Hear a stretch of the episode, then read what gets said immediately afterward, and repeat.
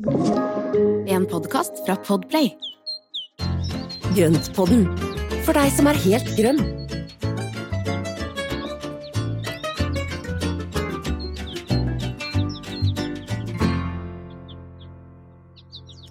Hei og velkommen til Grønnpodden. God dag, Espen. Hei, Marianne. Går det bra? Ja, det går veldig bra. Ja. Det, det gjør det som, som alltid. Som alltid. Men du, er du ikke innmari fornøyd nå etter at vi lanserte, eller hadde premiere på, på avleggeren vår? Det var gøy. Jo, det var veldig gøy, og så er det jo så bra respons. Altså, det må jeg bare si tusen takk til alle som Mm. har uh, lytta på også den lille avleggeren, og uh, det er jo noe vi har lyst til å gjøre mer av. Ja, absolutt. Og det kommer litt sånn i hytt og gevær. Vi vet ikke helt når det kommer, men jeg har en følelse av at det kanskje kan komme ganske ofte også, fordi vi skravler så mye. Det kan godt hende, for dette, det er liksom mye vi har lyst til å snakke om. Og, Ja. og vi har jo da en del prater utenom sendinga også, som er, eh, kanskje kunne vært interessant for andre å høre på også. Mm, Ja. Nei da, så vi får eh, vi, Men vi sier ifra neste gang det blir en liten avlegger. Ja, men det skal vi gjøre. Men denne gangen så har jo Jeg har jo gleda meg veldig til sånn som kaktuser og andre ting, men eh, denne gangen så er det du som har gleda deg mest, tror jeg. Ja, for i dag skal vi snakke om eh, liksom steget etter bukettbedet. Altså det å lage bukettene. Herlige sommerbuketter. Det gleder jeg meg Mm. til. Nå er det jo Ja. mye romantikk i lufta, og det er jo disse midtsommerblomstene og Ja, jeg husker jo Nå er jo midtsommer over, men man kan jo fortsatt plukke disse syv slagene for å drømme om din utkårede, tenker jeg da. Jo, gjorde du det noen gang, Espen? Nei, jeg gjorde ikke det, altså. Nei. Jeg, kan, har sånne vage minner at jeg gjorde det da jeg var student, at vi hoppet over noen gjerder Jeg vet ikke helt hva Men er det ikke veldig mange regler, da? Sånne var- ting man skulle ha gjort. Det var veldig slitsomt, og jeg tror ikke jeg drømte om noen i det hele tatt. Men, eh, men vi har jo fått våre utkårede, da, så det har jo fungert Ja, det, uansett. Ja, det har funka uansett, så det, ikke, det trengs ikke blomster for det, så det er, Nei det er bra. Men nå er det jo i hvert fall da på tide å fråtse i eh, ja, både blomster du dyrker sjøl, så vel som de sommerblomstene man finner ute i naturen. Og det er jo det Mm. vi skal snakke om i dag. Hvordan gjør vi maks ut av disse skjønnhetene? Mm. Og det er jo da vi har snakket om i Altså, vi snakka jo det, om det i episode åtte, var det vel, hvor vi hadde da bukettbed og hvordan å legge an det. Og, og som vi snakka om i stad, så, så hvis ikke du har noe i bukettbedet, så kanskje du finner noe i butikkbedet.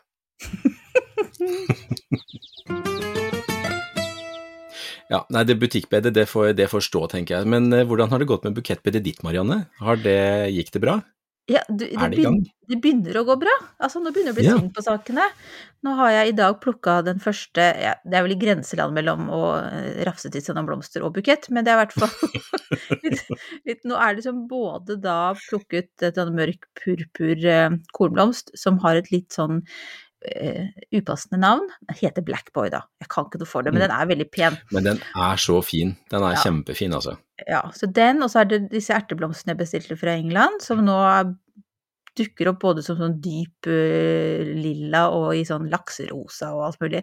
Og litt forskjellig Mm. blomkasje, så det er blitt så fint, så. Det er veldig fint med småbuketter òg. Det, altså, det behøver jo ikke være så stort. Nei da, det er ikke blitt så stort ennå. det kommer.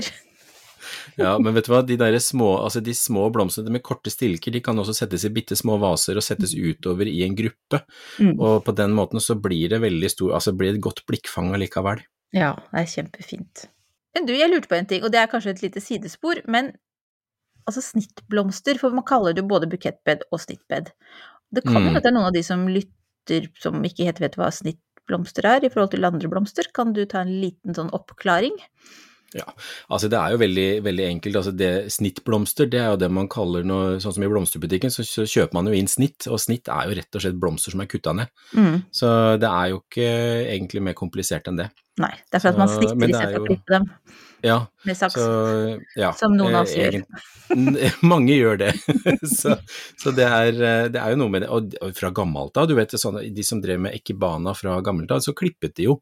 Altså de klippet blomstene, og da holdt de gjerne stilken under vann mens de klippet, og så satte de de opp i disse dekorasjonene. Og, og ikebana, det er jo sånn japansk blomster... Ja, blomsterkunst. Kunst, rett og Mm. slett. Nydelig. Masse spennende altså filosofi og alt mulig rart i dette, og det er veldig sånn elegant og fint. Og det, Mm. det er jo også mye likhetstrekk med den nordiske måten å sette opp blomster på, som er da litt sånn enklere, mer elegant måte å gjøre det på. Ja. Fordi Vi har eh, ofte så er det når man kjøper blomster, så er det jo litt dyrere enn f.eks. sydover i Europa. Mm. Og da har jo da alle, alle vi som har jobbet som blomsterdekoratører, har jo da måttet jobbe med å, å få det til å se maksimalt ut med det man har, og Mm. til eh, kanskje da overkommelig pris. Mm. Ja, det er så spennende. Ikke bana, vi må huske på. Jeg syns bare ord er så fint. Men nå skal vi Mm. tilbake til nordiske buketter, da. Ja, det skal vi. Så i bukettbedet, hva er det som har startet? Og hva er det som kommer Ja. snart? Liksom, hva, det vi kan, hva kan vi fylle bukettene våre med? Eller vasene våre med? Ja, og det er som du sa, at det er jo kommet da en del av ja, sånn som kornblomster og, og blomkarsen har begynt, og så har du jo også disse her astrantiaene, eller stjerneskjerm, Mm, som er, er jo fine. helt fantastiske. Ja. De er jo i alle mulige rosa til hvite sjatteringer, og de står godt i bukettene. De holder seg jo veldig bra.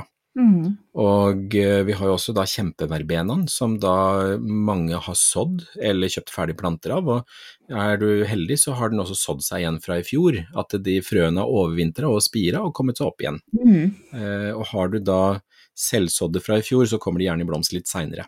De bruker litt tid på å etablere plantene altså godt nok til å kunne blomstre, så, så det tar litt lengre tid. Men så er jo hostan, altså den jo, den var jo du som nevnte på forrige dagen, at vi, vi snakka om hostaene og at de er jo så fine i blomst også, og det er jo også noe som er fint i bukett. Mm. De er kjempefine. Jeg syns bladene er blitt litt sånn solblekkede, men blomstene er jo helt nydelige nå. Så kanskje jeg skal ta med saksa mi ut og klippe, Ja, klippe dem litt. Ja, de er kjempefine. Litt sånn høy, luftig bukett med hostablomster er jo kjempelekkert, altså. Det er jo det er Ja, supert. de er veldig elegante. Det er det. Og, og så har du jo også da Ja, nå er jo irisen ferdig for mange, men det er jo sikkert en del som da bor i litt kjøligere strøk, som da litt høyere klimasone, som da har masse iris på gang, og, og de er jo også kjempefine. De står jo ikke, de står ikke så lenge hver enkelt blomst, men de er utrolig fine når de står der. Ja, Og absolutt. så, og så har vi marekåpa. Ja, Den er jo i full, full blomst nå. Og den er veldig fin. Den er veldig fin, og den er fin både som fyll, og så er den veldig fin å ha enkelt, altså bare ren, re, altså har du ren marikåpe i en bukett som er sånn fluffy som en liten grønn sky, så er jo det kjempeflekkert, altså. Det har jeg på stuebordet nå. Den er kjempefin. Ja. Og den er også sånn Mm. fin, for at den, den kan man fortsette å ha, eh, selv om Siden man opprinnelig har hatt det sammen med andre blomster, da, så kan man ta ut Mm. de når de visner, så står marikåpa så fint alene aleine etterpå. Ja, den står jo fort vekk i en to-tre uker, så den er jo veldig holdbar, altså. Veldig Så det. Det liker vi, vi liker ting som holder lenge. Det er, Absolutt. det er veldig bra. Men er det noen Fordi at jeg ser jo at bukettbedet mitt er jo Altså, det tegner jo til å bli bra, men det er liksom noen sånne gliper her og der, så jeg tenker jo på Mm. Er det noe jeg kunne fylt på med? Er det noe jeg kan Jeg vet ikke om jeg kan så noe nå, men om jeg kan kjøpe noen vekster og fylle på? Har du noen tips? Er det sånn som Ja. kanskje kan bli buketter etter hvert òg, da? Ja, ikke sant, for at det er jo noe med å få sesongen til å vare så lenge som mulig, og, og ved å da fylle på, for at du har jo ting som blomstrer for en kortere periode, og det er jo eksempelvis eh, jomfruen i de grønne, altså nigella. Ja, den er fin. Det er jo noen eh, kjempelekre blomster som har en ganske kort blomstringstid, og den bør man da så med kanskje en tre til fire ukers intervaller for å da få forlenga blomstringen. Ja, Og det kan man da gjøre med flere sorter, at man da hver, ja, si hver tredje til fjerde uke så kan man hive på noen nye frø. Mm. Og på den måten så vil man da ha hele tiden planter som kommer opp og begynner å blomstre. Så det kan jeg egentlig gjøre nå. Det er ikke for sent Mm. å, å å ta jomfruen i det grønne oppi bedet Nei, nå. nei, nei, nei. Det går helt fint. Og den fins jo i både hvitt og blått og rosa og, og litt flere Altså den er jo de blårosa tonene som er kjempelekre. Mm, Mm. så det kan man gjøre. Og så kan man også sette inn da sommerblomster. Altså hvis det er litt Er det en åpning i bedet hvor du da ikke har kommet opp noe, så kan man kjøpe en fin kosmos på, i butikken eller sånn, og, og den, den kan man jo da plante ned. Og da vil jo den holde seg videre utover. Og de blomstrer jo helt fram til frosten kommer. Hvis man da bare beskjærer eller kniper av da blomstene etter hvert som de er visne. Mm. Å ja, Så- og de er så fine. De får, blir man liksom i godt humør av. Ja, det gjør man. Det er liksom en, det er så, og det er så stor variasjon i de. De har jo alle mulige varianter. Altså nå etter hvert også de fylte eh, typene som er kjempefine. Mm. Men du, Men det liksom er et- mye som er fint. Det er mye som er fint. Nå prøvde jeg å Mm. få oss videre, Espen, for du vet at nå er vi i gang med å snakke oss ut igjen. Det har vært innom japansk Det er så blomsterkunst. Ja, men det, er så, det var ikke helt der vi skulle, men det er veldig Neida. fort gjort. Det er, ja, jeg blir så inspirert, så jeg tenker at nå skal jeg se på noen bilder av japansk blomsterkunst etterpå. Men nå er vi altså liksom ferdig med bukett. Altså nå har vi snakka litt om eh, status i bukettbedet, hva vi kan gjøre der. Og så Mm. er jo så neste steg fram til buketten er jo da plukkingen. ja, Altså fordi at eh, Hvordan skal vi Du har snakket om det før en gang, ikke sant? Om når vi skal klippe og tjo og hei. Altså, Ja. jeg ser for meg at jeg skal gå ut i nattens mulm og mørke i pysjen og med en svær Med tønne med vann. Med hodelykt og en tønne på ryggen.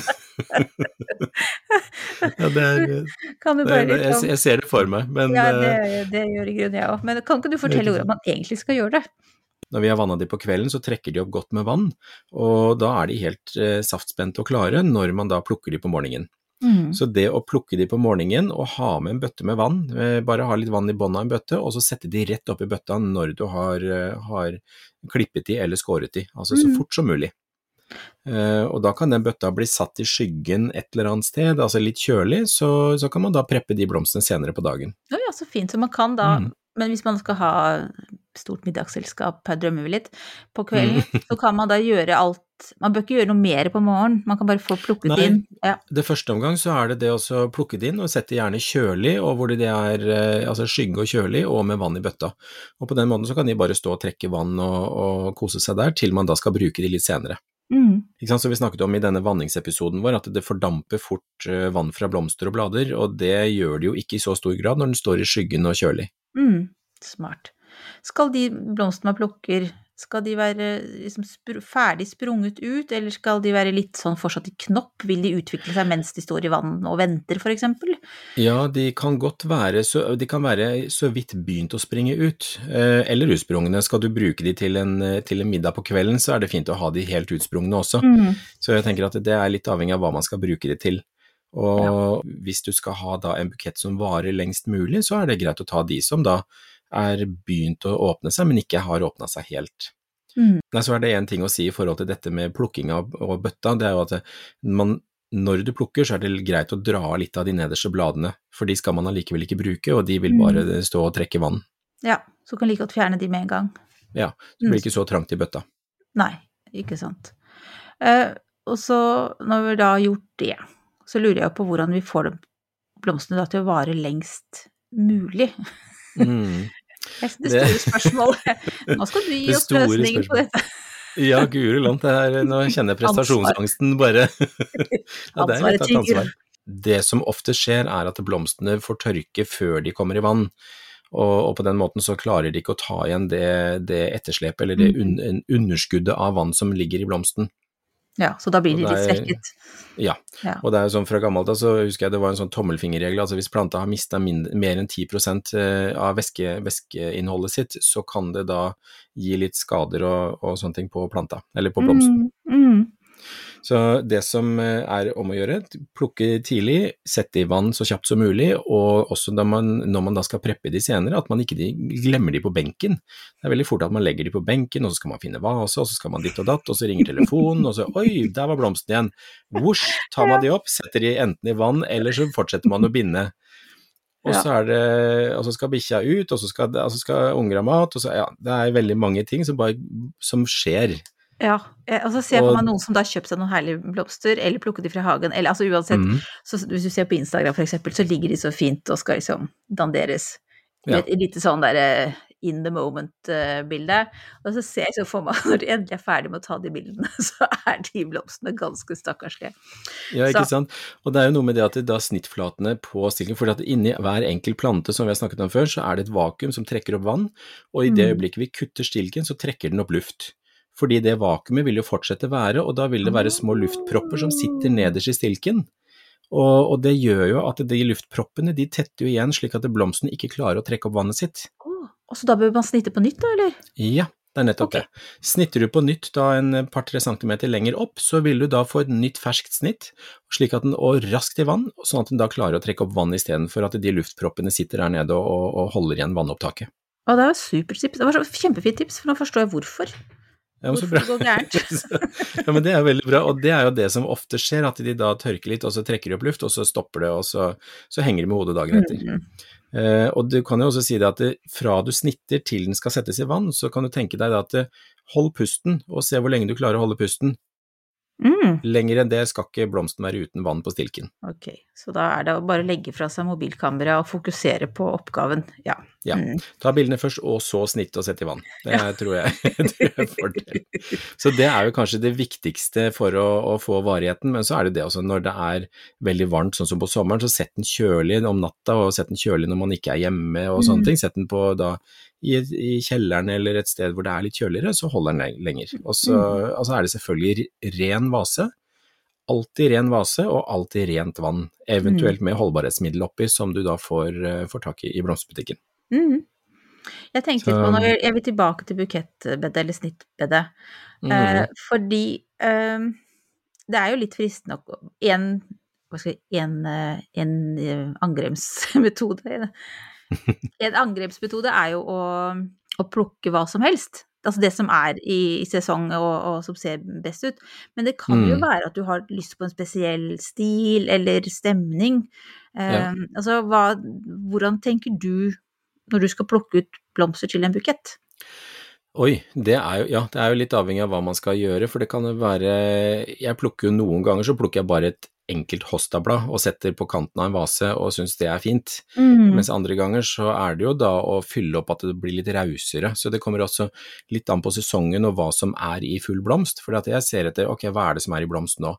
Og når pionene er i blomst, så er det veldig fint å kunne da Ja, det glemte jeg å si i stad, pionene står jo fortsatt eh, veldig godt i skyggen her. Mm. Og der er de jo fortsatt veldig fine nå. Og da er det veldig fint å kunne da lage en sånn litt raus, fyldig bukett, litt lav, tett rund en, med da masse pioner oppi. Og Mm. det er jo, det er jo kjempefint. Ja, Eh, Så det er, litt, det er litt å la seg inspirere når du går ut og ser Mm. hva som er i, i bedet.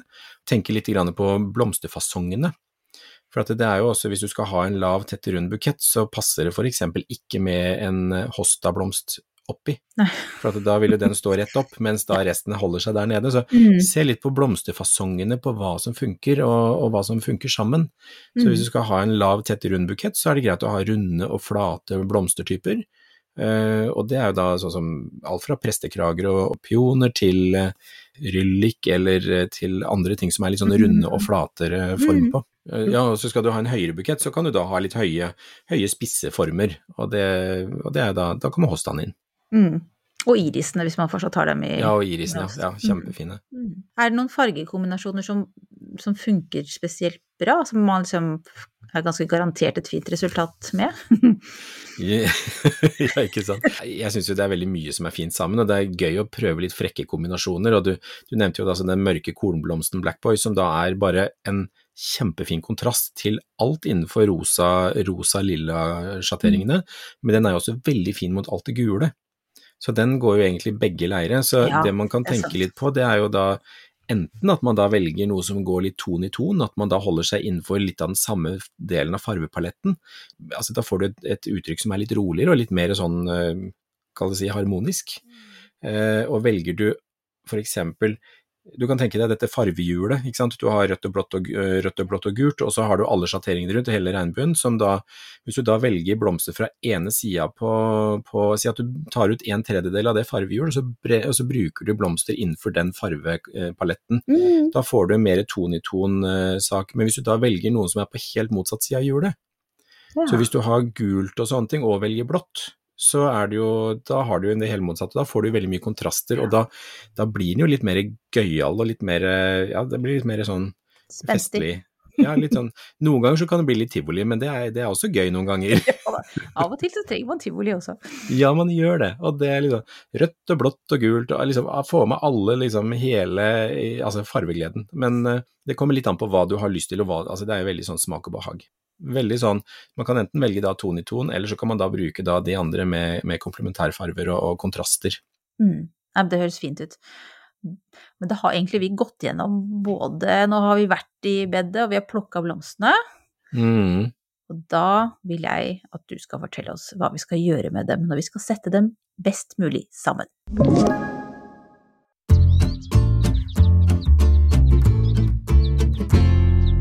Nå har vi gjort preppinga, og hva skal vi gjøre nå? Espen, kom igjen. Ja, nei, altså preppinga er jo veldig viktig. Det er jo da å ta bort alt av blader som kommer under vannlinja, og sørge for at det er eh, rene stilker det er liksom om å gjøre. Fordi skal man ha en bukett å vare, så er det jo noe med at de der vannrørene, eller de der eh, vedrørene som vi snakket om i stad, mm -hmm. som da trekker vann opp til blomsten, hvis det da blir mye bakterier i vannet, så vil det også tette igjen disse, disse rørene som er bitte, bitte små, og som da sørger for vannopptaket. Så ved å da eh, ha et rent snitt, og så må du ha da fjerne blader og torner på rosene, for det er bakteriebomber som da gjør at det blir mye bakterier i vannet. Oh, okay. så, så, kan du gjerne bytte i vannet en, ja, vet ikke, hver tredje dag, det kan være lurt. Bytte mm. vann i mhm. vasen, og da kan man gjerne gi et lite nytt snitt. Og eh, det er jo da det som man, eh, som man kan da gjøre fortløpende for å holde tingene i gang. Kan, kan jeg spørre om en ting? Ja. Til snittet skal det alltid være sånn to-tre centimeter oppover. Det kommer til å bli verdens korteste bukett. Du starter med lange blomster. det, er ikke, det, er ikke, så viktig på, på når, når, du har ferdig bukett. Altså. Ok, du bare snitt litt. Ja. Bare snitt litt, ja. ja. Ta, du, må, du, må, ta, bruk skjønn, det er litt sånn. For det er jo noe med at noen skal jo snittes, og noen skal jo bare, bare kuttes rett over, noen skal på skrå og sånne ting. Og der igjen så er det en tommelfingerregel på at, eh, at jo hardere stilken er, jo mer langsgående skråsnitt skal det være. Mm. Og jo mer saftig stilken er, jo rett, mer rett over kan snittet gå. Er det for at det er forskjellige typer vakuum, liksom? Eller? Ja, og så er det fordi at de er lettere for å trekke opp vann, og det er jo sånn som tulipaner er jo de du kutter bare rett over, for at mm. de vil man ikke skal trekke for mye vann, for da strekker de seg mye, og blir, eh, da, blir, da, blir, de fort eh, sånn lefsete. Mm. Uh, og de trekker allikevel opp godt med vann, sånn at de er ikke så, så farlige med. Mm. Men derimot roser er jo de som da gjerne vil at det skal trekke opp vann, og da må de ha et skråsnitt som da er rent. Og uh, når du klipper, så klipper du, og da klemmer du ofte sammen disse her vannrørene som trekker opp vann til blomsten. Mm. Og de utvider seg ikke alltid igjen. Og dermed så reduserer du vannmengden som kommer opp til blomsten. Jeg syns det er så veldig det, vanskelig med snitting av di. Altså, jeg vet at den klippinga er sånn liksom, annenrangsgreie, men jeg syns Jeg er litt redd for å skjære meg, og så plutselig så har jeg liksom snitta sånn at jeg, ja, rosa nesten ikke er igjen. Så, men ja, har du noe knep? Det er jo da, hvis du legger kniven Altså, det er vanskelig å skal, Vet du hva, kanskje jeg skal prøve å vise det på Jeg skal lage en liten videosnutt, kanskje, så kan jeg legge ut det på ja, Instagram. Gjerne, gjerne. Skal jeg prøve å sette opp kamera og se om jeg klarer å få vist hvordan å legge Hvis du legger kniven mellom da pekefinger til lillefinger, og så legger du den der, og så legger, bruker du tommelen til å styre med, og så trekker du den litt på skrå langs med stilken. Så Nei, men jeg skal prøve å lage en sånn liten snitte... Jeg skal, jeg skal ta og prøve å lage en liten snitteteknikkvideo. Mm, for sånn har jeg aldri det... holdt den kniven, i hvert fall, så det kan jo hjelpe bare det. Liksom sånn, ja. da. Durt, durt. Ja. ja. det er nesten Ja, jeg skal ta og ja. gjøre det. Og ja, da, i verste fall så klipper man. Bruk skarp saks, og så går det greit allikevel. Det, det, er liksom, det er ikke noe krise uansett. Og det er sånn som bukettbedet er nå, så kommer det til å bli så raust med blomster at der skal man kunne hente inn da jevnlig utover, mm. etter hvert som det visner de som man har inne. Herlig. Så det og da er, legger vi i komposten, bare så vi har sagt det, da. Ja, det går i komposten. Ja. Eh, og så er det jo da dette her, noen fra gammelt av så knuste man jo også stilkene på en del planter for at de skulle trekke opp mer vann, og det var jo blant annet syriner, hvor man skrella bark, og så knuste man, og så ja, kokte man, og ja. det var veldig mange forskjellige måter å gjøre det på. Mm. Men alt i alt så har man vel egentlig gått litt tilbake på en del av det, og sier at det er et godt snitt, rent vann, eh, lunka temperert vann, eh, funker på det aller meste. Så okay, det bør ikke være mer kompliserte. Kaldt på de saftige stilkene som tulipaner. Ja, løkblomster. Så, men, så mm. alt som er av sånne saftige stilker og som er liksom, litt sånn mer bløte i det, de mm. kan få kaldt vann. Okay. Men alt annet, de skal gjerne ha da litt sånn lunka vann. Lunka mm. temperert. Det, det, funker bra. Nå kommer jeg liksom til kjernespørsmålet, i hvert fall for meg, -hmm. og det er jo hvordan vi Altså, hvordan lager man en bunkett? For jeg har sett at sånne eksperter som deg, dere gjør et eller annet med noe skrått og liksom skal snurre den rundt og sånn. og det blir jo veldig fint. Altså, det er jo en forskjell på om man plunker en haug med blomster oppi en vase, eller om man liksom danderer dem på en eller annen måte. Ja, og det er jo en teknikk man lærer. Og, og jeg, har jo laget noen tusen blomsterbuketter, sånn at det, det, er jo etter hvert så sitter det jo veldig i hendene, så man tenker jo kanskje ikke så mye på det. Mm -hmm. Men det handler jo om å legge den da i, i Først så legger du da to stilker i kryss, mm -hmm. og så legger du en stilk til i det samme krysset. Men det som er poenget, det er at alle, alle stilkene skal gå i den samme retningen. Vet du hva, jeg tror kanskje det å lage en liten introvideo på snitting og spiralbinding, det tror jeg skal, jeg skal prøve å få gjort det. Du så at jeg så ut som et spørsmålstegn. Ja, jeg så det. Men det som er da, det er at og, og til, det, er to grunner til at man kan gjøre dette på den måten, og det eller at man da lager denne spiralen. Og det ene er at når du da binder buketten, når du er ferdig med å sette buketten, så har du plassert den, og du har plassert blomstene, og da kan du binde snor rundt, sånn som du får fra blomsterbutikken, ikke sant? Og da når du binder fast den der, så får du da et jevnt press på alle stilkene. Så den ligger holder seg på plass? Ja. Ja. Uten å, skade, uten å skade stilkene. Og det betyr at hvis du da hadde hatt en stilk som lå i feil retning, så ville den ha knekt. Mm. Eh, og når du da også har bundet, eh, bundet denne her, så vil du da altså se at alle sammen svikter litt i det punktet. For du har ett punkt som er bindepunktet, og da får du en sånn veldig fin spredning på blomstene oppover. Og da får du den der åpne, åpne litt luft i buketten. Og det som man kan gjøre for å, å hjelpe til med det, hvis man ikke kanskje får til den teknikken, det er altså sette innimellom og sette inn blader. Sette inn blader, sette inn blomster som har litt sånne der vide, altså typ hortensia eller sånne ting, som da Mm. har blomster som bygger ut litt selv. Ja, Så da slipper du å tenke så mye. Ja. Ja. Men, så, Så, men det er veldig, og det man, kaller man da for mellomstikk, er å da sette inn blomster, altså blader litt nedi buketten, slik at du får den spredningen. mm, Og det er en, eh, det er en veldig sånn eh, grei teknikk å bruke. Også, den er veldig lur, for da blir man, får man kanskje mer av det resultatet man drømmer om. Mm. Ikke sant? Det skjærer meg litt i hjertet når nå folk ser at eh, folk da får bukett som er fint satt opp og sånne ting, og så får de den hjem, og så klipper de av snora og, eller tråden, og så raser alt sammen. Og da den, den, den blomsterdekoratøren som da har gjort den jobben, har jo da gjort all den jobben forgjeves, for at da, Ja. da detter jo denne buketten sammen, og så blir det ikke helt det samme igjen. Ja. Da, altså, da svarte du egentlig på det spørsmålet som jeg hadde på tunga, og det var må man binde den buketten? For jeg syns det er vanskelig å binde. Ofte så ramler hele det som jeg Da har jeg ikke, ikke, ikke gjort dette, denne spiralformen, men når jeg prøvde også å slenge sammen noen i en hånd, og så skal jeg Ja. binde det, så ramler den fra hverandre. Ja, Det er jo heller ikke nødvendig å binde de opp. Altså, man kan jo fint sette opp en bukett, men det handler jo også om hvilken vase man har, og hva, hvordan, Mm. hvordan den står i vasen. Men man kan jo fint bruke da bare en, en bukett som ikke er bundet, og så bare sette opp den i en vase hvor, hvor, den, står, hvor den står fin. Og da bruke blomster som støtter Mm. hverandre, egentlig. Mm. Det er jo egentlig jeg tror det er, eh, er litt av greia. Og så er det jo litt andre sånne hjelpemidler da, man, man kan bruke. Det er jo Ja, det fins hjelpemidler for også å sette opp blomster. Ja, hjelpemidler, ja. Jeg har hørt om eh, Det er veldig noe som heter fakir. Som ikke er sånn der Ja. flammesluker eller hva det fakir er for noe. Eh, som er veldig i vinden. Som skal være så Mm. fantastisk. Eh, Ja. og, vil jeg kjøpe Og- en? Ja, men det er gammelt nytt. Det er ordentlig, det er veldig gammelt nytt. Og det er faktisk, det er jo den eh, fakiren, det er jo da det man, man kaller også for pinnsvin. Eller så kan man også kalle det, eller fra gammelt av, så er det da kensan, som er eh, den man brukte til ikebanaen igjen. Altså dette her er jo da hjelpemiddelet man bruker i ikebana. Mm. Hvor det da, det er egentlig en tung bly, eh, altså litt sånn tung klump, som da mm. har masse, masse pigger på seg.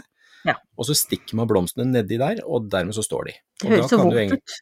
Ja, det er, du, du fliser jo opp stilken litt, grann, Ja. men det er jo med på å trekke mer vann. Ja, ja, så, lenge da, når, så lenge det skjer under vann, så tenker jeg at det, det er helt greit. Mm. Men det man da gjør, det er altså at du stikker ned, og så drar du den litt til side for å låse stilken, og dermed så står den egentlig veldig fint i den posisjonen du setter den ned.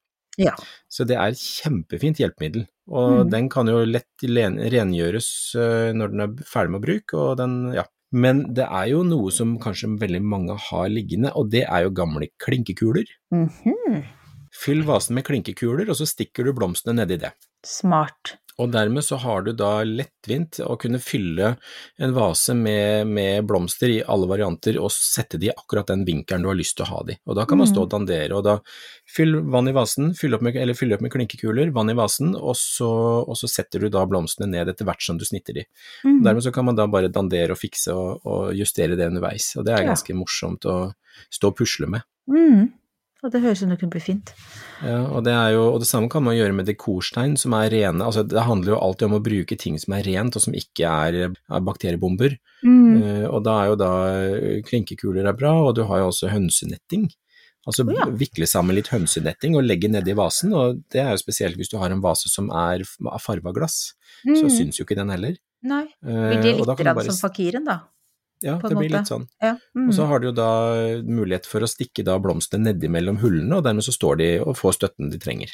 Mm. Så det er jo noen vaser, eller en del, det begynte vel med én, og så har det kommet en del eh, inspirasjon, eller inspirerte vaser etterpå, som har liksom disse altså metallinnsatsene som Mm. er mm. som har et eller annet sånn ornamentalt mønster, der man kan også stikke blomstene nedi. Ja, og det er jo, det er jo litt av samme, det er jo samme prinsipp egentlig. Mm. Og, og, og da hvis du ikke har det, så kan du bruke en liten, liten, uh, liten klump med hønsenetting, eller så kan du da bruke disse andre tingene her. Og hvis du da også har store grønne blader, så kan du vikle det sammen og legge det helt tett nedi, og så kan du stikke innimellom det også. Og det er også en måte å gjøre det på. Mm. Hvis du har for eksempel hostablader som du bare kveiler sammen, og så får du da en, det blir nesten som, uh, som en rull med hostablader, så setter du det ned i vasen, og da ligger jo det nedi der, og så kan du stikke blomster innimellom, og så kan du få en veldig morsom effekt av det. Det er jo kjempelekkert ut. Jo, litt i den andre eh, enden av Altså ikke, ikke så veldig lekkert i seg selv, men jeg har jo også sett noen som bruker teip, altså klar teip, og så spenner de på toppen av vasen, og så stikker de blomstene nedimellom der. Det, det har jeg også sett.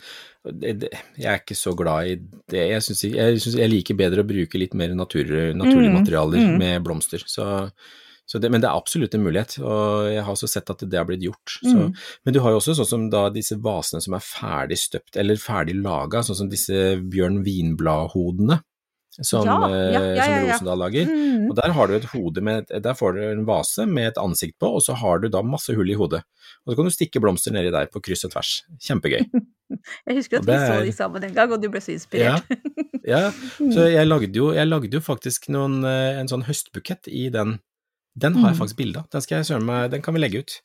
For det er jo en veldig det er jo, Og det var bare blomster fra hagen, og jeg da vikla sammen noen greiner og satte inn eh, litt forskjellig rusk og rask, som da ble, ble liksom hår, hårpryden til den der, dette ansiktet. Mm. Ja, den var veldig fin, den. Men det er jo en del morsomme vaser og, og sånne ting, altså, så det er mye gøy, og, og man kan leke seg med, med, med, med vasene også. Så har det jo blitt litt sånn i det siste at det er I de siste, det har sikkert vært en stund. Eller, det har vært en stund, herregud. Jeg begynner å bli så gammel at alt, da, dagene flyr av gårde.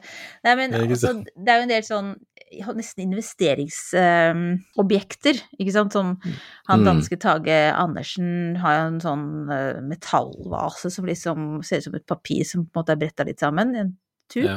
eller noe sånt. Ja. Og så har vi jo Altovasen, så klart. Og så har jo Svensk Tenn har jo eh, diverse sånne glass, eh, munnblåste glassvaser. Og så har vi jo Magnor, som også har mange fine vaser. Ja, det er masse fint. Ikke sant? Ja. Og det er glass og porselen, og så kan du ha keramikk. Og alle de Mm. bidrar jo på ulike måter til helhetsinntrykket. Men er det, er det noen typer altså, Eller hvilke type bør man ha?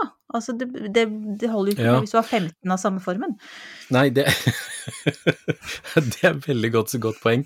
Ja, egentlig så er det det. det, er, jeg ville sagt at det er tre, tre typer eller tre varianter du bør ha i skapet. Mm. Og det er en som er smal og høy, F.eks. for eksempel en, eh, en sånn halvhøy sylindervase, en helt enkel, smal Mm. høy. For der kan du sette en enkel blomst, eller en enkel rose, eller du kan sette da høye, litt høye buketter med litt lange stilker og sånne ting. Det kan være en av, eh, av vasene. Og så bør du ha en som er rett opp og ned, litt sånn som Alvar Alto-vasen, men da, som da funker til tulipaner og en del Mm. markblomster og sånne ting. Og på den måten så har du en vase som da kan ha den der litt sånn enkle rett opp og ned-buketten. Mm. Så bør du også ha en som er litt vid nedentil og ha litt innsnevring i toppen, Ja. altså i, i åpningen. Mm. For at da vil du kunne få blomster som da får, får lov å lene seg litt grann mot kanten uten å falle helt ut. Mm. For den som du snakket om, eh, den til Tage Andersen, den er jo eh, superlekker, men den er jo helt håpløs å sette en bukett oppi. Ja. Altså, den er jo Det er jo så for at alt sammen bare fluff, så letter det ut til sidene, og så ligger det som en sånn krans rundt. ja, for alle stilkene møtes jo i midten. Nemlig. Der, og så- de får ikke lov å krysse seg, og Nei. dermed så får du ikke den der spredningen som du er på jakt etter. Mm. Så der er det jo ekstra viktig å fylle den med noe som gjør at f.eks. hønsenetting, da, så du kan stikke da, så kan du stikke Ja. da, og da kan du få den fine formen Mm. uh, som, man da, som man da ikke klarer å få ved å bare ha en løst bundet bukett oppi der. Mm. Nei, der må det ikke være hønsenetting eller klinkekuler. For en fakir er det jo ikke plass til nederst i den smale, lille bunnen.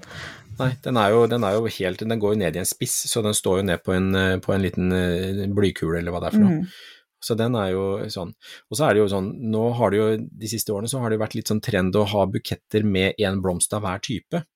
Og det er jo Mm, kjempegøy. Og da mm. trenger man jo en litt sånn litt høy vase som er litt grann vidde på, sånn at du da får muligheten til å ha, ha da de blomstene som kan stå litt ut, ut til siden og sånn. Så Mm. det er tre. En høy og en, en to som er litt lavere. Så, Ja. Men den ene av de lavere, den bør være da med innsnevring i toppen, slik at du får en, en litt sånn derre hold for buketten, egentlig. Altså, nå er jeg litt fornøyd, for jeg har en høy sånn sylinder, og jeg har mm. den innsnevringen litt Ja. plass i stykkene. Så det mangler er jo da den uh, tulipanen, eller den altovasen, for den har jo knust, men eh, det er jo Uff bare å ønske seg. Ja. Ja. Altså, den er knust i en kant, men jeg har ikke klart å kaste den, så den står nå ute på stallen. Stakkars er en forvist. Ja, altså du, ja, Nei, det er lang historie. Jeg prøvde å reparere, det går ikke. Jeg er ikke noe glassblåser, i hvert fall. Uh, Nei. men nei. Men uh, jeg, jeg trenger den da. Så hvis noen kjente som har lyst til å spandere en ny vase på å høre på, så er det veldig hyggelig. Ja, så bra. Nei, men det er, de er jo, men de er jo så mange fine av ditt. Det er jo det er veldig mye fint. Ja. Men jeg ser, vet de der, hvem er det som har det? Det er jo Rosendal, tror jeg, som har en veldig fin um, Eller disse keler, det er jo noen av disse nye kelervasene som ikke de med stripene nedover, men de har riller, Ja, det som også er veldig fine. Og Er ikke de det Lindby inn- Jo, Lyngby, har det. Det var, de, mm. det var de jeg tenkte på. Mm. Og der har de jo den der fine innsnevringa på toppen, som, og litt vidde nede, som gjør at Mm. blom, bukettene står så fint, altså. Ja. Så Tenk bare litt vaser. på de ja det, er, ja, det er det. Jeg klarer jo aldri å si nei, så jeg har jo skap opp og skap ned med vaser nå. Det er jo en gammel yrkesskade. Du har liksom lov, du. Ja. Noe jeg ikke så jeg kan skylde på det. Ja. Men det som er som et alternativ til disse vasene, og det tenker jeg at det, man behøver ikke ha noe, noe, noe fancy vase eller noen sånne ting, men man kan også bruke småglass. Hvis du Mm. finner små morsomme glass eller ting som du finner på loppemarkedet, eller hvis det er Altså jeg har noen gamle, gamle sånne medisinglass Mm. som, ikke er, som er bare bitte små, og da setter jeg de utover midten av bordet hvis jeg skal ha en middag, og så setter jeg mye småblomster i forskjellige høyder i de, som går litt på kryss og tvers. Mm. Ja, Som er alternativ til eh, bukett, og det å da samle en gruppe med små glass, eller det kan være alt fra morsomme syltetøyglass eller små eh, glassflasker og sånne ting, og så sette det i en gruppe, altså sette blomster oppi det. Det, Mm. kjempe, det blir veldig sånn effektfullt. Mm. Og det er jo egentlig en sånn enkel butikkløsning som eh, alle kan få til. Ja. Og da er det bare å putte inn det man har, og så er det bare å Mm. fylle ut med litt grønt, og vips, så, har det, så ser det, ser ut som en million. Mm. Hva skal man tenke bra. på da, sånn avslutningsvis, hva skal man tenke på hvis man skal ta med seg en eh, hjemmelagd bukett bort til noen? For at den ikke skal dø på veien? Ja, ja, det er rett og slett vann. Vann, vann, vann, vann. Mm. Sett på godt med vann, og når du da har gjort, altså når du da har laget buketten og latt den få lov å trekke vann, sett den gjerne i vase mens du da gjør deg klar og sånne ting, sånn at alt står klart, at den får stå og trekke opp vann så lenge som mulig. Mm. Og så tar du og pakker da godt med enten avispapir eller tørkepapir rundt stilkene som er ferdig snitta og klare, Mm. og så dynke det godt med vann, og så sette det i en pose. Ja. Og så setter du en liten strikk rundt sånn at det vannet holder seg. Og så holder du buketten rett opp og ned, sånn at vannet holder seg der nede. Mm. Og så kan du eventuelt rulle den i en avis eller sånne ting og sette den i en pose. Mm. Bør de snittes på nytt når man kommer fram til den som skal Det få kan buketten? være lurt. Det kan være Ja. lurt. Har du godt med vann, så er ikke det nødvendig. Hvis du akkurat har snitta og det står godt med vann rundt silkene, så kan Mm. den settes rett i vase. Men det glemte jeg å si i stad, men husk når du da får en bukett, eller når du har blomstene og sånne ting, i, finn fram vasen, sett vann i vasen så den står klar før du begynner å snitte. Ja. Sånn at vasen står klar med vann i, Mm. sånn at du bare kan ta rett ut og rett oppi. Mm. Det handler om at det går så fort som mulig. Og, Mm. og så er det en annen ting, det er jo det når du da skal ut på tur med en blomsterbukett, og det gjelder jo om man skal da gi bort en fra egen hage, eller om du har vært i blomsterbutikken, Mm. ikke hold den opp ned. For Jeg har sett så mange mennesker som går ut fra blomsterbutikken eller bare går på gata, så tar tak i buketten og så holder de den opp ned, og vannet skvaler og renner ut mens det er lang stripe med vann på gata etter dem. Og vannet Ja. det skal jo gjerne være der nede, så Ja, hold buketten riktig vei. Buketten høyt hevet. Ja, så herlig. Du, tusen takk, Mm. Espen. I like måte. ja, jeg har bidratt med spørsmål. Ja, men det er bra. Gode spørsmål. Ja, tusen takk, takk, takk. Da beveger vi oss videre i programmet, vi.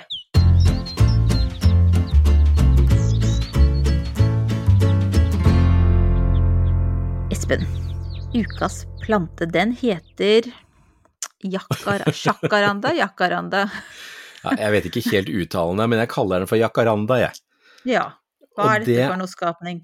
Ja, det er altså noe av det vakreste jeg har sett på lenge. Det er, eh, det er eh, en plante som jeg så, eller jeg så den for, eh, for lenge siden, men i fjor så så jeg en bekjent av meg som hadde sådd den opp, fått en kjempefin plante utover sommeren, og i år så tenkte jeg at den må jeg bare ha. Mm. Og egentlig så er det et løvfellende tre som blir rundt 20 meter høyt, Oi. og Ja. det tåler ikke frost, så den må inn hver vinter. Ja. Men det er du vant til, så det tenker jeg det er, det er gjengs. Ja, ikke sant. Så nei da, det er, det er faktisk en Det er et, et tre som, som får masse lilla blomster når de blir store, men det som er så utrolig flott med den, det er jo det bladverket. Mm. Jeg har da det som kalles for jacaranda mimosifolia, som da er en, en Altså du, du har sånn derre finflikete bladverk som er bare helt sånn derre sløraktig, nesten som en bregne. Mm. Og den er så flott. Og, og den Jeg tror vel ikke at jeg kommer til å få blomster på den, for jeg må jo hele tiden klippe den tilbake for at den skal kunne holde seg innendørs og i potte. Mm. Men jeg ser jo for meg at det skal bli en fin liten busk etter hvert. Ja. Så jeg tenker at jeg skal ta den inn, overvintre den kjølig, sånn som jeg gjør med alt mulig annet rart som er, er fra middelhavsområdet. Og det er jo der den kommer fra, og det vokser jo da blant annet i Portugal, Spania og områdene der, så vokser det store trær, og de er jo helt knallilla på, Mm. på vårparten. ja. Vi må legge Så- ut bilde av kanskje ikke din, da. Eller vi kan ta din pluss Jo, men jeg kan fra ta, ja, Ja. for jeg, bare få vist bladverket, Mm. for det er altså Mm. helt, det er helt magisk. mm. Nei, men vi legger ut bilde av Espen sin jacaranda, pluss kanskje en med blomster fra Portugal, eller noe sånt. Ja, prøver Så- å finne noe. Ja, strålende. Ukens spørsmål, Espen. Ja, Hva gjør vi med lus? Svarte og grønne. Det var liksom Her var det veldig sånn kontrast til forrige spørsmål. ja svarte og grønne. Og, det, Ja. ja, og det, det, dette her er et spørsmål som jeg har fått fra mange. Mm. Og det har vært eh, spesielt mye lus i år, ikke vet jeg hvorfor, men eh, det var jo, det var jo veldig kald start, det var treig start, og det kan være også at en del planter har vært litt svekka, og at de derfor er Mm. mer mottagelige for lusangrep. Ja. Og den, spesielt den svarte, den ødelegger jo ganske mye, og det blir jo deformerte skudd, og det er en del sånne ting. Så det er jo ikke noe quick fix på det heller, så det er jo bare rett og slett å, å ta opp kampen. Eh, og jeg anbefaler å da, der det er mulig, dusj med grønnsåpevann. ja. Bland, bland grønnsåpevann som er, eh, ja, kan vi se, en del grønnsåpevann og to deler vann, altså ganske sterkt, og, Ja. så- og så dusjer du da planta godt grundig på over, overalt, og så lar den virke en to-tre timer, og så spyle av med hageslangen. Ok. Fordi det er jo, og så må du gjenta. Dette her må jo da gjentas i, eh, i eh, noen ganger, slik at du da ser at dette her roer seg ned, at det blir borte. Mm. Nei, da tipper jeg at lusa er borte i løpet av ikke så lang tid. Okay. Men det er noe med at man må gjenta det, og man må også ta og komme innunder og, og treffe alle skuddene. Så er det Mm. store busker og trær, så er det litt mer vrient, men kjør på med hageslangen og Mm. spyl, for det er noe lusa ikke liker. Ja, bra. Så, så det. Og så kan man eventuelt bruke da brenneslevann, som vi har snakket om før. Mm. Ja, det, det- var jeg klart jo- nå på en sprayflaske etter at jeg snakka med deg, så nå er Ja. den alltid beredt. Mm. Hva er det du holder på med for tiden, da? Ja, akkurat i dag så har jeg hatt en liten redningsaksjon. Ok. Litt i forhold til den forrige episoden hvor jeg gledesstrålende fortalte at jeg hadde bestilt en del nye kaktuser som hadde kommet, og de er pottet om og gjort etter alle kunstens regler. Mm. Og så oppdaget jeg at da to av de kaktusene har råtnet i bunnen. Nei! Jo, og det er så trist. Så jeg har tatt også De har jeg da plukket ut av pottene, eller av pottene sine igjen, og så har jeg kuttet av toppen så langt opp at det da ikke jeg fant noe mer råte. Altså Mm. da er det jo rothalsen som er råtna. Mm. Og jeg vet jo hvorfor egentlig, for rett etter at jeg planta de og hadde de ute, så kom det da kjølig regnvær, og så har de da vært litt for fuktige. Og en kaktus som pottes om og plantes i ny jord, og spesielt de som kommer barrot uten jord og noen ting, de trenger da en tørr periode i jorda, de skal ikke ha noe vann etter planting før de har fått etablert nye røtter. Ok. Og dermed ja. så, så fikk de rett og slett vanning for tidlig, og så Mm. begynte de å råtne i rothalsen, altså overgangen mellom rot og kaktus. Mm. Så nå har jeg kutta toppene, og så ligger de til tørk, og nå skal de ligge en ukes tid, og skal jeg prøve å sette de forsiktig oppå en sånn eh, grusblanding og se om jeg får røtter på de igjen. Ja. Så det er en liten redningsaksjon. Takk Ja, og takk. Spennende. Hold oss oppdatert. Ja, det skal jeg gjøre. Mm. Men eh, du da, hva skal du gjøre for noe? Jo, altså nå fant jeg ut uh, at jeg skulle gjødsle. For nå, nå har jo Ja. alt eh, kommet godt i gang i grønnsakshagen og i bukettbedet. Ja.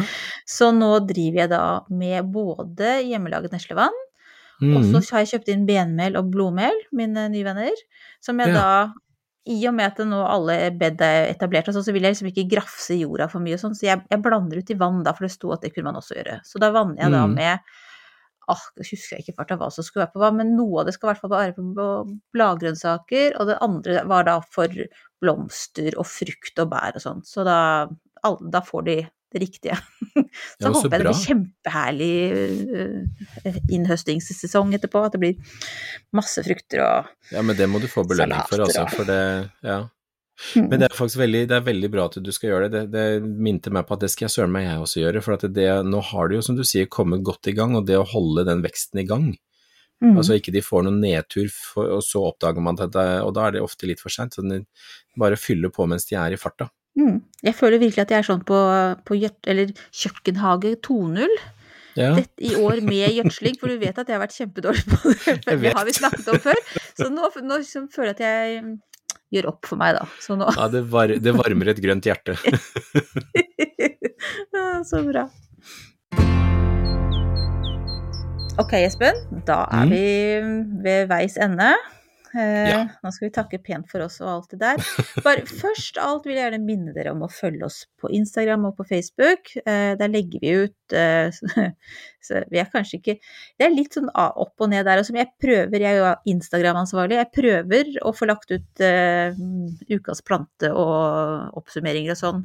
Men av og til så tar liksom hverdagen meg litt. Men vi prøver å legge ut bilder og tips og dele herlige bilder fra dere. Mm. Alt mulig sånn. Vi syns det er veldig gøy å være der, i hvert fall. Så gjør det. Tagg oss med Grøntpodden. Og så skal du fortelle hva vi skal snakke om neste gang. Ja, og neste gang så blir det faktisk beskjæring igjen. Eh, Ja, det, det, Hvorfor det har vi det? jo og det er jo det at sommerbeskjæringa, det er jo også en veldig Altså det er jo en viktig ting, og det er en veldig fin tid å beskjære på, er jo nå på sommeren. Mm. Så når vi nå, når vi nå traver i full fart inn i juli og august og september, så er det veldig fine måneder å beskjære på. For at det, Ja. da er veldig mange planter er delvis ferdig med veksten, og så står de egentlig bare og samler seg og vokser og koser seg og har det bra. Og hvis vi beskjærer nå, så rekker sårflatene å lukke seg før det blir høst med, med ufyselig vær og vinteren kommer. Ja. Så det var egentlig kortversjonen av hele neste episode. Fikk vi det Mm. nå? Men, men På en, to, hør tre. På, ja, på 1, 2, 3. Men hør på oss neste uke òg, likevel. Ja, Kommer masse tips. Supert. Da sier jeg takk for meg, jeg. Ja. Ha det bra. tusen takk for meg. Ha det bra.